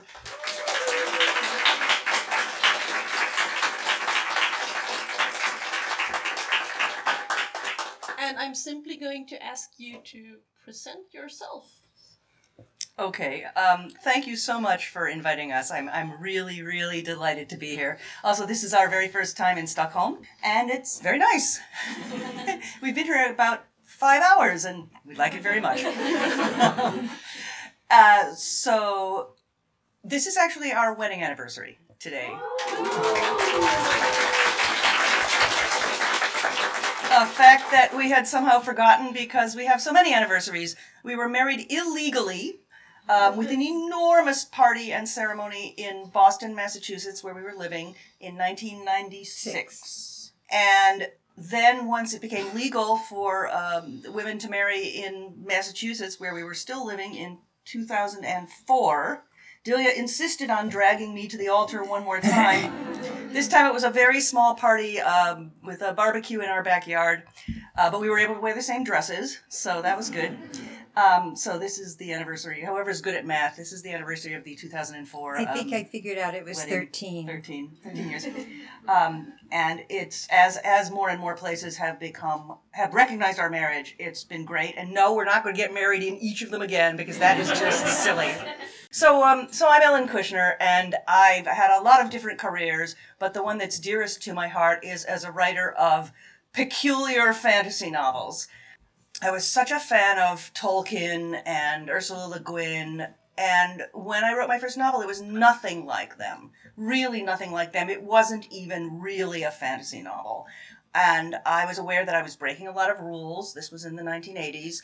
uh, but I was just following my heart and writing what I wanted to write. And um, fortunately, history has proved me right. Um, the first novel was Swordspoint, and while I knew I could do better um, and hoped that I would someday, uh, it it won a lot of people over and has continued to do so um, to this day. So I swore I would never write another novel about those characters, and I failed to uh, keep my oath. Fortunately, as a Jew, I have Yom Kippur to um, to uh, ask forgiveness for breaking an oath. So I'm, I'm good now. I'm safe. And no no bolts of lightning will come down on the store. We're we're all good. We're all okay. But I also promised myself that if I ever wrote about that those characters in that world that I would always, whether it was a short story or a novel, have to come at it from a different angle. That I couldn't repeat the same trick twice. This was beneath me. And so I just kept running at it from different angles. I actually wrote the um, sequel. I started the sequel to Swordspoint, which is called The Privilege of the Sword, fairly soon after I wrote it. But my agent didn't love it, and I got very involved in working in radio, in public radio in the United States. And so I, I put it in a drawer and ignored it. Then after Delia and I got together, we she really loved the books, and we started making up stories um, about the same place, the next generation. And we really were just doing this to amuse ourselves. And then one day, lightning struck. And I said, you know, if, if we wrote this down, they'd give us money. And then, because Ellen cannot uh, write while she's while she's in a car because it makes her car sick, we we pulled over to the side of the road. We changed sides. And she started to drive, and I started to take notes. Um, and that was the beginning of the Fall of the Kings. Um, which we kind of wrote the way we just told that story. Except that then we went back and, and I rewrote her part and she rewrote my part um, so that it would all look like it had been written by the same person. Uh, And Delia had had, had, had her own uh, career before she even met me. Oh, no, you didn't. You had your career right after you met me. But maybe you can give people a Well, little background as to what it is you, you I, do. I, I had I had started with short stories as as one does um, back in the uh, early '80s, and uh, mostly since I cannot make up plots, uh, I stole the ideas from old English ballads and fairy tales, and would would make. Um, not only not not usually modern versions but versions set in places other than the place of origin and i would just use the structure of the story or the or the ballad in order to make a a story that made sense. and gradually, I learned how to tell a story, and uh, and began to make up uh, some of the s- stories myself. But but they are all based on on folklore or fairy tale, or or, or traditional. Uh, narrative in some way or another because that is that that that is the thing that I that, that is bred into my bones. That that's what I know about storytelling. Um, and uh, I wrote two adult novels, one of which was uh, a, a queer novel uh, uh, based on a, an old English ballad um, called The Famous Flower of Serving Men. And the book is called Through a Brazen Mirror, and it's still in print in America. And um, the second one, it was a historical novel about the French Revolution. Um, and then I started writing for children. Um, so my next several novels have been for 10 year olds and, and, and older. Um, and they have all been historical, set in his different historical periods. Um, and but two of them are based on um, my having grown up in New York City, where there are many different people and many different many, many different traditions of storytelling and very many tr- tr- traditions of fairies and, and folklore. And I made all those into a fairy New York where all of the immigrants, the fairy immigrants live. So that one actually was translated into Swedish. it was called Changeling in English. I don't know what it was called in Swedish. Uh, I know, but I've forgotten. But when, when we have the podcast up, uh, it will be written down. Unfortunately, that one is out of print, meaning we can't uh, find it. We've asked around, but if you look at secondhand sites, antiquariat, then uh, it should still be around in Swedish. I could see it at Bokbörsen.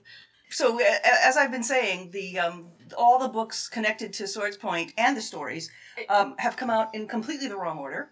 Sorry, did I? No, I just want to say that, except the ones that you wrote together. no, no, it came out in the wrong order. I mean, in terms of what happens next in Oh, the story, it's completely out of order. So, Swordspoint was followed by a book that takes place about 80 years later called The Fall of the Kings that Delia and I wrote together. And then my agent said, Oh, look, you know, I think people like these stories, so why don't you find that book you never finished and take it out and finish it? Um, so I did, and that was The Privilege of the Sword, which takes place between those two books. And now there's Tremontaine, which is a collaboration that I'm writing that's online from Serial Box. And I, speaking of things we forgot, I was supposed to send my publisher the address of my hotel in Helsinki for Worldcon so that they would send me a big box of these, and I forgot. So this is all I have, and I'm very sorry. But it's now that we have the internet. Two um, copies.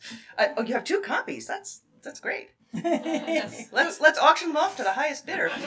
Um, but all of this can be gotten online, and I can give you more information on that later. And just just to complete my my autobiography, my literary autobiography here, um, because I said I would not write anything like Swordspoint, I wrote a novel called Thomas the Rhymer right afterwards. It was the next book I wrote, which is based also on British folklore and ballads, and has been published translated into Finnish, but not into Swedish. Finnish, German, a lot of things. And the interesting thing about it is that it's all based on both English folk culture and, and music and poetry. And it's really interesting. It's been translated to a lot of languages. And every culture has to decide are they going to try and do the translation so that it sounds vaguely like something English and Scottish or use translated into the idiom of their own folklore. And I don't read many of these languages at all, but I remember looking at the German one and seeing that they went with a very German folkloric um, um, style, and the French as well. I know did the same thing. So um, it's the joys of being translated. So yeah, so that's that's my opus so far, I believe. Yes, and um, talking about that, you you've been writing an uh, fantasy with uh, queer characters of various sorts for quite a while. And what development have you seen in the in the scene, in the fantasy scene, and around? You mean what are other people doing? Oh, I don't know. Or how, has, how has the attitude changed when people come up to you and talk about it? Actually, well, some years ago, I had that first moment where someone came bounding up to me saying, "I read your book in high school." And it was, it was that was when I knew that I was that I was growing up. It was a very Peter Pan moment for me that somebody adult had read my books in high school. But what I think has happened, and this is completely my theory, but I think I'm right, is that fan fiction, particularly slashy fan fiction, has completely changed the landscape of what is talked about, what is read, what is acceptable in, in, in our field, and what is written, I should say, in our field. And I've watched that over the years happen. And I, I, in my modest and humble way, I don't always understand why Swordspoint is such a precious book for people. Um, when it was first published, it really was almost the only book writing about queer characters. And I think, if I listen to my readers, the only book that was about queer characters that wasn't about queer characters. It was about people who happened to be having sex with people of the same sex in a world where nobody cared very much. So it wasn't about that being the crisis. So we were free to have lots of other crises. And that, people tell me, was huge for them. And I didn't do it on purpose. I just wrote what I felt like writing. Um, but that's how it came out.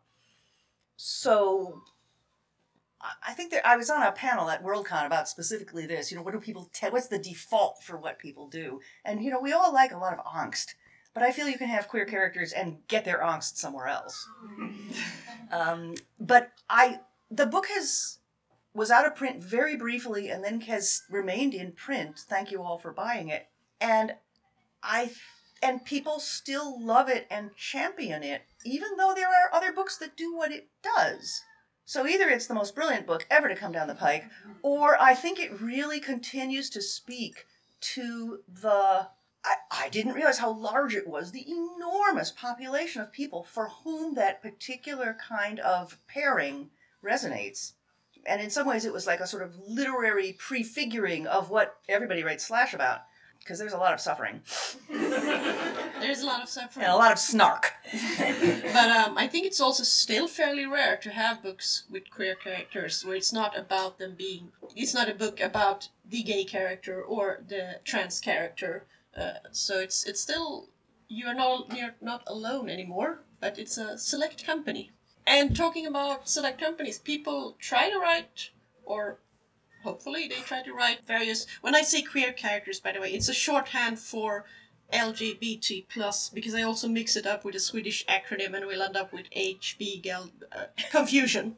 so it's it's used as an umbrella word. But um, what are common mistakes? I'm totally stealing this from the WorldCon panel, by the way. Common mistakes that you've seen or that you've uh, advised people away from, either of you, in in writing queer characters. Well, well, I, I think that there is sometimes a tendency to make the character their problem, and the and the problem is the character's character, and and that is and, and since human beings have more problems than one usually, um, and have more facets than one, uh, to to say this is or, or this this character is just gay, and that is that is the only thing that can really be said about them. That is not the way you write a any kind of story.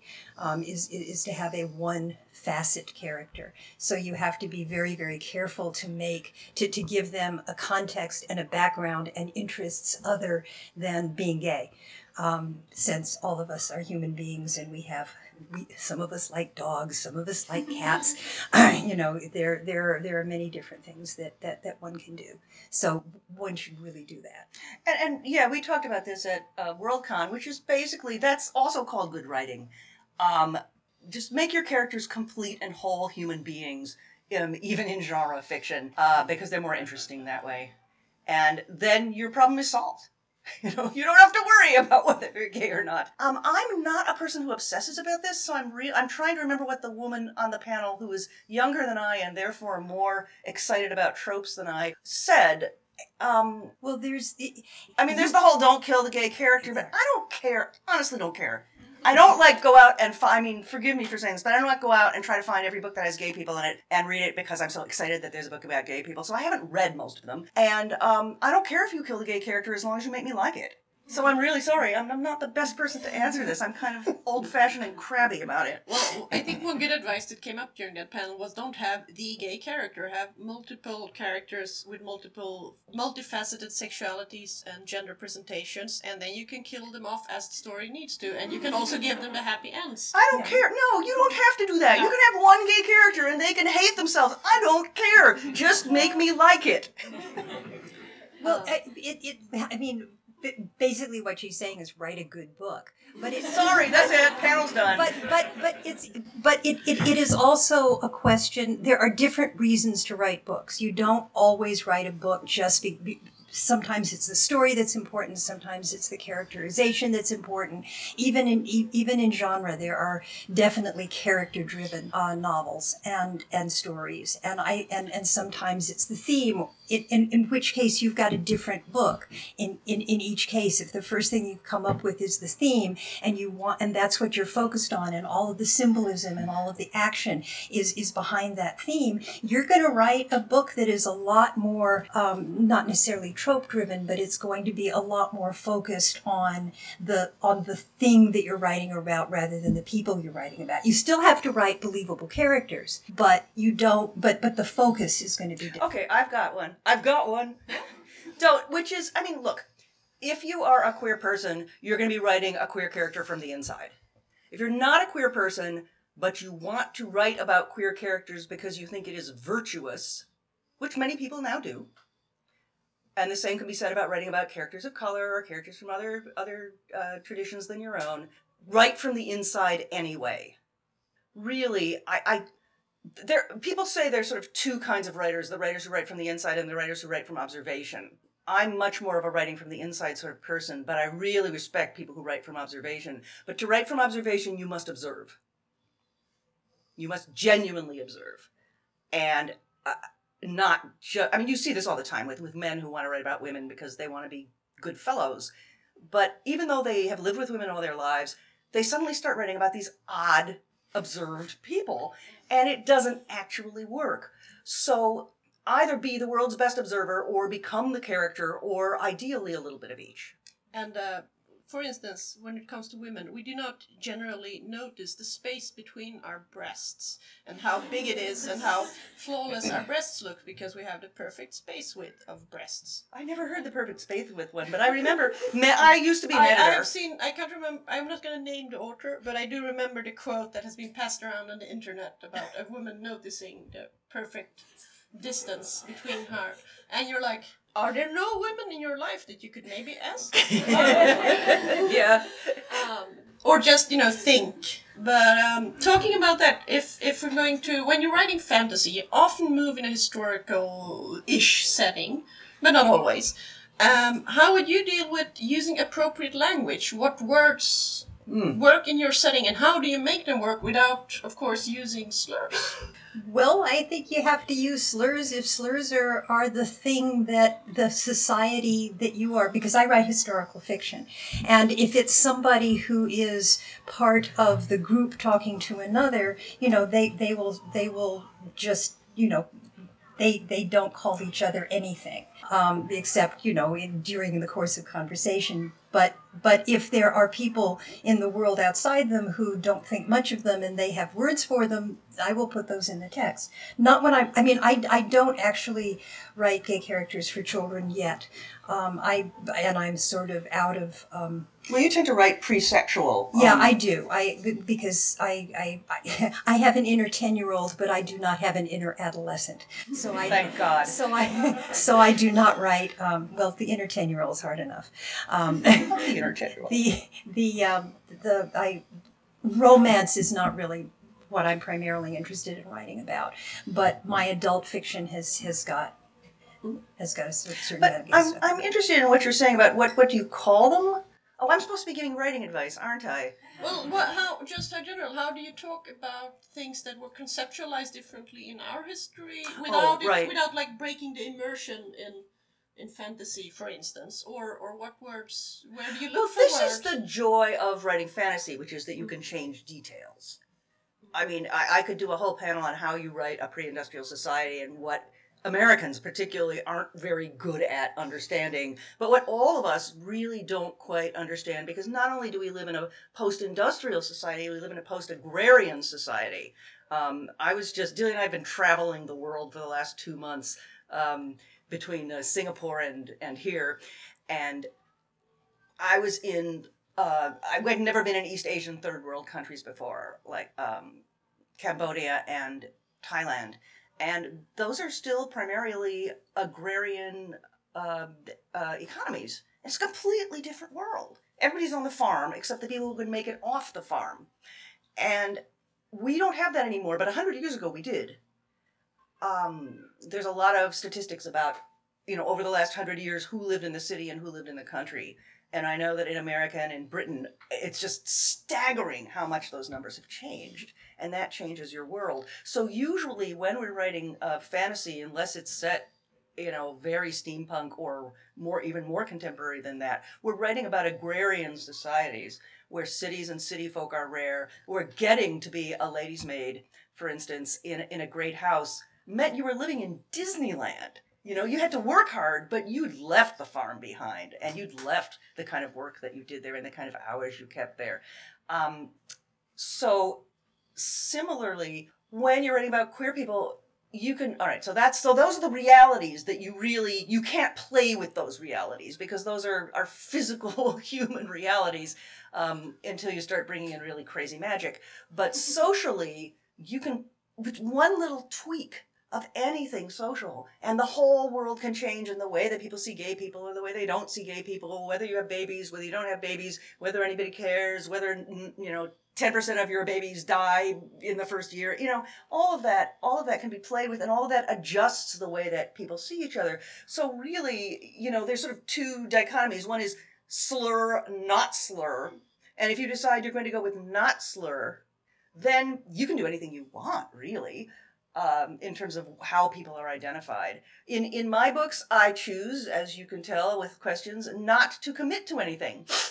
So it's always kind of individual, you know, whether somebody is sleeping with someone of one sex or another has to do more with what the social status of the person is and whether you like them than anything else. I think is that right? Yeah, and and and up until fairly recently, you know, well within the past hundred years, there there was no identity of gayness.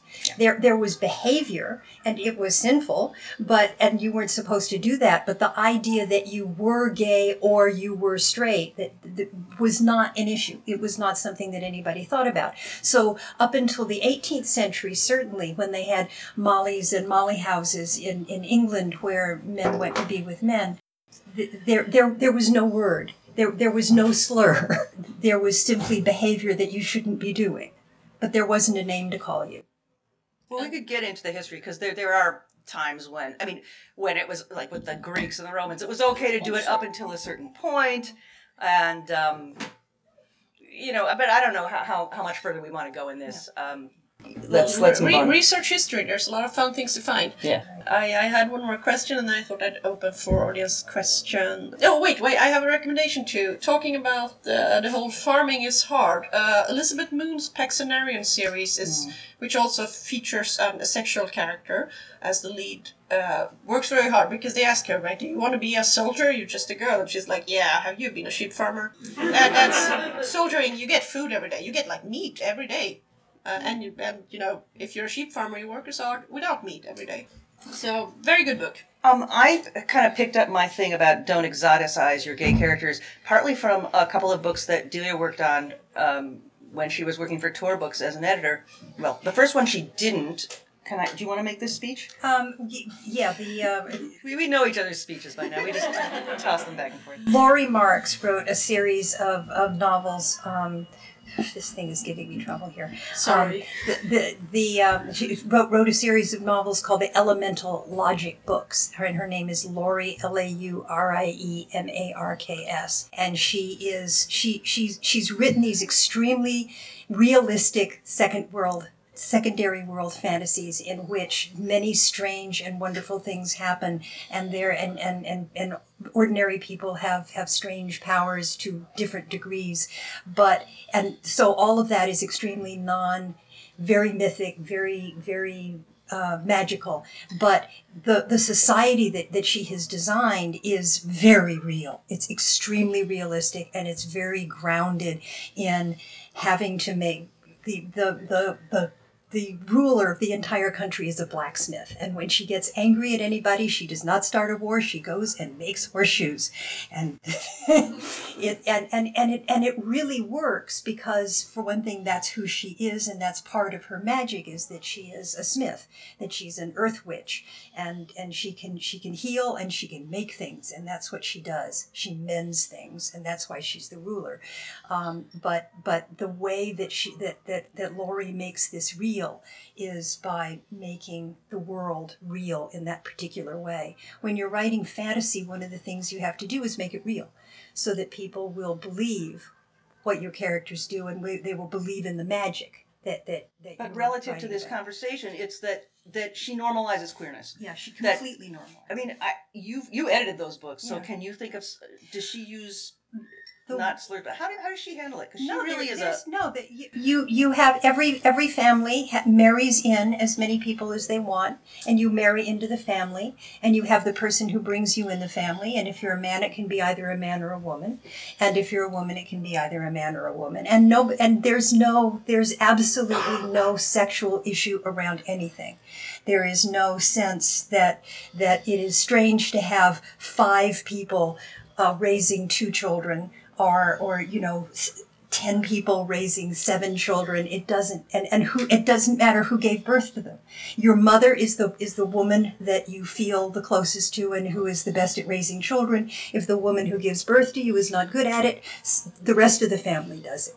There's and there's no i am handing her off to you. It's everybody's responsibility. So she's she's she's writing these very believable group families and not everybody gets along and their problems and people leave the families and that that's part of the you know that, that, that that's part of what goes on in the story. But it's it's it's very it's it's completely normalized in that way. And i i have to say that when it came that when the first book came out it was published by tor by a major publisher. But during the course of and, and everybody was very enthusiastic about it because it's a wonderful book. But when it came to selling it the, um, the, the, the, the, the, people who were going around from store to store, the sales force and the marketing department was having a very hard time with it. And they, there were places in the United States that they would not take it. There were places that, that, that they didn't want to talk to the, the bookstore writer, the, the, the bookstore owners about it because it was not, it, because it was making something that was supposed to be exotic normal and they that made them very uncomfortable. And I think that that gradually that is becoming. Um, well, there's certain parts of the country you can't do much about. They will do what they do, um, but but I, I think that that is getting better. I thought I'd uh, ask for questions from the audience. I'll ask you to make a short question and then I will repeat it for the recording and then uh, I'll let you answer. Does anyone have any questions? yes.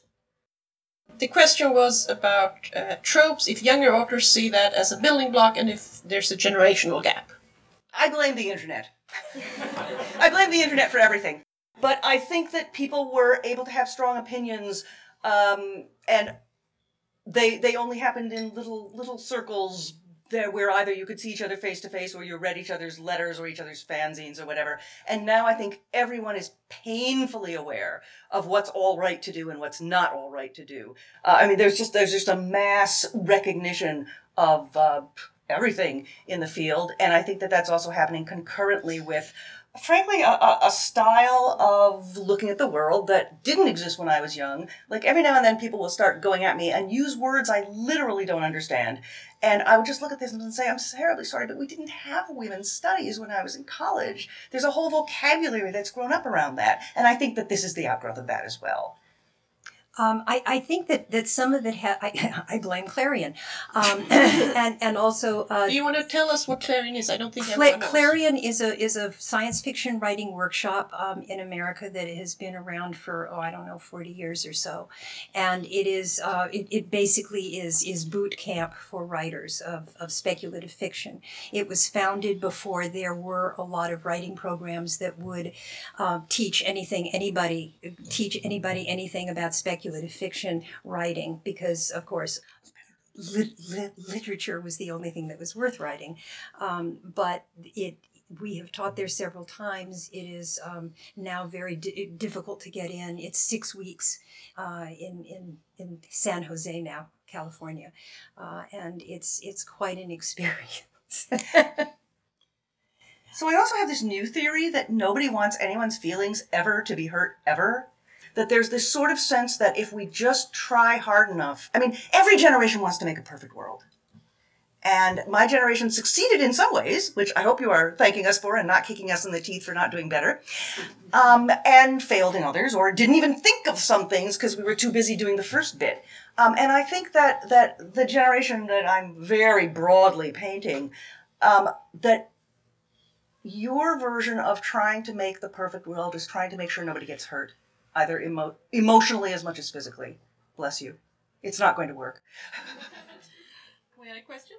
The question is a return to the earlier no. discussion about, for instance, if it's a good book, uh, is it still okay to kill the only gay character hypothetically yeah, well, and yeah, and well, does it hurt someone or not and how one should uh, how one should think about this people have been arguing about this for centuries mm-hmm. and you know when when bad people write good books and there are a lot of books out there that are objectively speaking beautifully written and really well structured and and the characters are really interesting except maybe the women.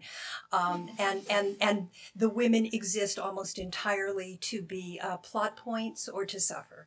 And i find those very difficult to write to, to read because i find them offensive and i find them um, I, I, find them belittling. And uh, when i grew grew up reading them I, it made me think less of myself. So but i think that that that they had a right to write those books. Um, it's it's no nobody can legislate art, and when you start legislating art, you get into a lot of trouble. So there are going there are always going to be offensive books. Um, you don't have to buy them. You don't have to read them. You certainly don't give them to your children. You you you point to that and say some people believe this, and that makes this a world that is not a perfect world. Um, you have to leave those people alone. you know, stay stay away from them. But you can't say no. You you you shouldn't write the. You have to write the book of your heart, even if your heart is black. um, I took the question a little bit differently, and will try to redeem myself. Um, to me, hmm, uh, uh, whether a book is good or not is is so relative.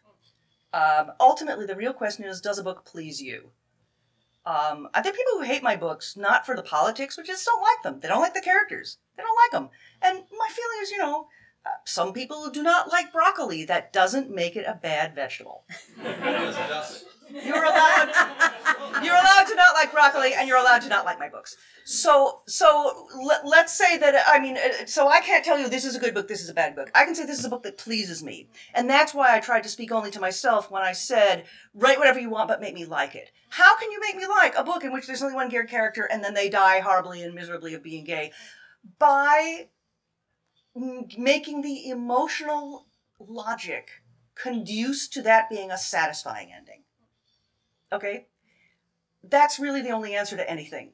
Uh, but I think it's particularly true in this case. It, it would be a neat trick to pull off, especially these days. And there are people who are so rule bound that even though they liked it, they'll object to having liked it because you're not supposed to do that.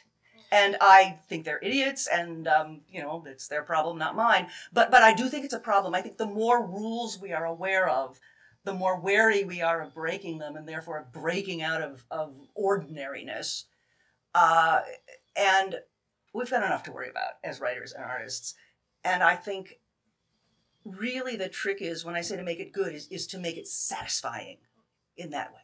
If one looks at it as a reader, or if I'm talking as a bookseller, for instance, that last year, this year I've been reading Hugo Award nominations like like crazy, but uh, last year I decided I want to read more uh, books from countries that are not the U.S. or the U.K. because we sell a lot of books like that, and I'm surrounded by books, so I kind of pick them all up.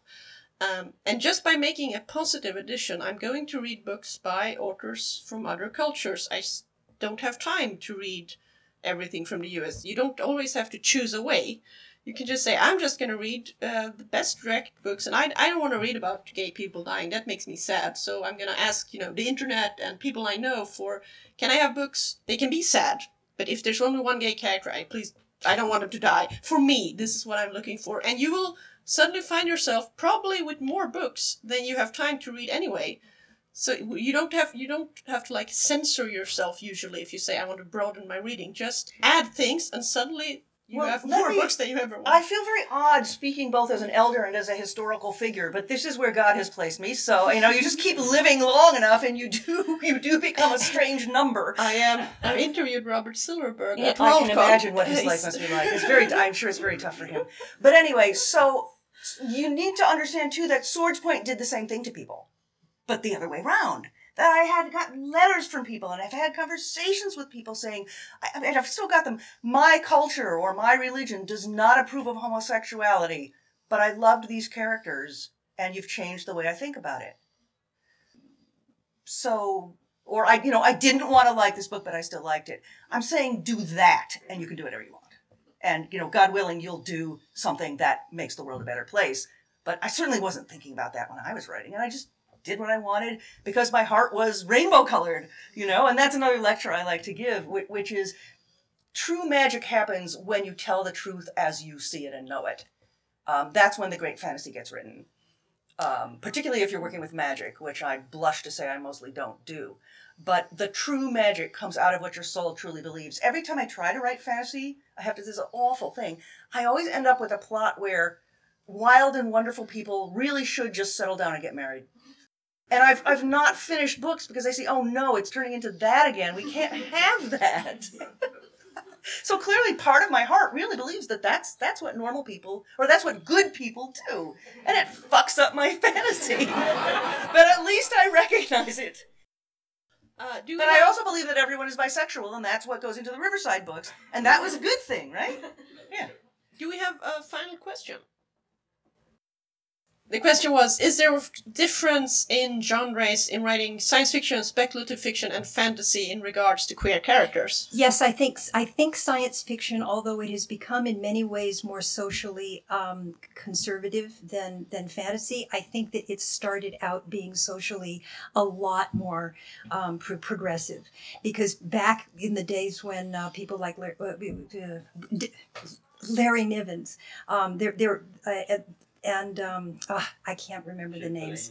Chip, well, Chip, yeah, but but even pe- a lot of people were writing these wonderful novels in which there were gay characters or a, a, a culture that included group families that, that were bisexual or, or gay and weren't having any difficulty with it. I mean, basically uh, poly relationships. Um, back in the in the 50s and 60s, a lot in the 60s. And then it kind of petered off and, and, and became a little bit more attached to the fantasy end of things. But but I you know it changes. You know what, because Julia? Actually, changes. because you're you're you're spacing on the current stuff where science fiction can make up new people, you know, new kinds of people and uh, new genders. And Ann Leckie is one that Mm-hmm. has won a lot of awards for, for doing just that. Her next book has it too. I read the proof. Wow. So so fantasy, and she's just the tip of the iceberg. I think anybody who's interested in um, alternative sexuality or alternative uh, physicality of any kind is is a lot happier in science fiction. And people do. I mean, and Le Guin really, I, I think, was the one who led the way with Left Hand of Darkness. So so science fiction people have had that opportunity the whole time. I think the point is simply that science fiction has branched off so many pseudopods that there is a traditional conservative science fiction, but there's also this fabulous uh, exploratory science fiction. Fantasy is less likely to make up kinds of people. I'm using the wrong word, but you know, to, to, to create things that are neither, you know, human, dwarf, elf, or wizard. Um, some people do, but but I think it's less what interests fantasists. I think that's a really astute question. I had never thought of it before, but I think that that is kind of the difference. That that if you're drawn to making up completely new physical forms with different physical sexualities, you're you're less likely to want to do that as a fantasy novel. Prove me wrong. Prove me wrong. But I think I think that's true. I think there's also a shift in. Uh, we have separated out urban fantasy from other fantasy. Um, and there's things happening in urban fantasy, there's also things happening in self publishing. Uh, where it's very hard to find things. Uh, I mean, if, if you start finding one person who, who writes things you like and they are nice enough to recommend you things, then it's easier. But to just dive in is, is really, really hard. Um, but there are, there are, as you said, there are many movements, and fantasies also like branching out. But a lot of the classical, there is another world with magic and epicness fantasy is quite conservative at the moment. Not all. I think a lot of that's what's coming is is. But on the other hand, you have these very mainstream series like George Martin's um, Game of Thrones now. uh, That I'm talking about the TV series where they included the the gay male character in the scene, and we can discuss how it was done. So, but it was still no discussion that like this has to be edited out, and also the same with uh, Neil Gaiman's American Gods, which we shelve on fantasy, although it's technically urban fantasy, and that's because we want to keep Gaiman together. So it's a complicated. it's a good question with a complicated answer. Um, so I have a different definition of urban fantasy. And I also oh, God. and for us, urban fantasy is does it happen now ish? It's urban. Oh, it's really there's a really different definition in the states. So I'm glad you clarified that. You, uh, did you also ask about uh, writing from the inside versus not? Do you want to go into that a little more, or do we have time? Uh, Maybe we we we, are running out of time actually. Okay. Um, but Well, are we going to do signing and yes, like exactly. that so we can we That's can why I was going to ask. Do you have any? Do you have like a blog? Is there? Can one ask you these questions on Twitter if there's things one figures out as soon as they left? Like, oh, where, where should I have asked Ellen Kushner this? Or, or what should I have said that was so much smarter than what I really said, which, which always happens. Um, yeah, I'm I'm on Twitter and I'm on Facebook as well. Um, I'm lazy and disorganized, so if I don't answer you, it's because I'm lazy and disorganized, and not because I don't love you and like your questions. But those are the best ways, and I, I'd rather, for econ- economic things, ask me a question in public. I'll answer it in public, and then more people can see it. That would be lovely. Thank you. Yes. Uh, what she said. Um, You're on I, Instagram. But... I, I also. Um, I, oh, on I, Tumblr. Have, I'm on Tumblr. I I, I have I have a bunch I have some postcards, not a lot of, of my latest book for ten year olds, um, which is about Maine and an evil wizard and a boy who becomes his apprentice and uh, discovers he likes being an evil wizard. Am I allowed to say that there's another author in the audience, at least another American author Yeah, in the I was going audience, to who say- writes ask you- about queer characters? I was going to ask you for if you have any finishing words. So, who is the secret author? The secret author is Max Gladstone, Ah, who's- who was at Worldcon with us and is visiting, and I'm really touched that you came. yes, and who has the the craft sequence, which uh, All right. which you have at least the first book in. Yeah, you can ask him questions too. Ask him what I meant to say that was smarter than what I said, because he'll know. um, I guess my closing words to you, my comrades, is if you are queer in any way, and I, it's a very big umbrella, speak your truths. Speak your truths. Don't be afraid. And if you're not, find your truths. Some of it's about asking people, and some of it is just about making it up but make it up in the true vein. Try to find the thing that you can understand or the thing that you can imagine based on someone you know or something you've read. That is a legitimate look. I mean, I am not an aging villain, but I can pretend and think about it and imagine it, and somehow it comes out right. So, I think the most important thing, really, and I cannot stress this enough for fantasy writers in particular, is tell the truth. And I think that that listening helps a great deal. That that if you really listen to what people say and and you and you do and you do your homework too. You you you, you ask the questions and you you j- and you don't just think of your next question. You listen to the answer. That that's a very good way to to find your way into um, a character. Thank you very much. That was thank you.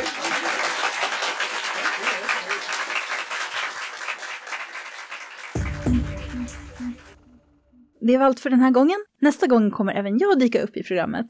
Och eh, det kommer bli nästa år. Om ni vill ge oss en liten extra julklapp så skicka jättegärna feedback på det här. Tyckte ni det var intressant så, och vill ha mer på samma tema hör vi det gärna. Och att ni lämnar en recension på iTunes eller i den eh, poddapp eller vad ni nu använder för att lyssna på oss. Och det går förstås även bra att göra på våra gamla program.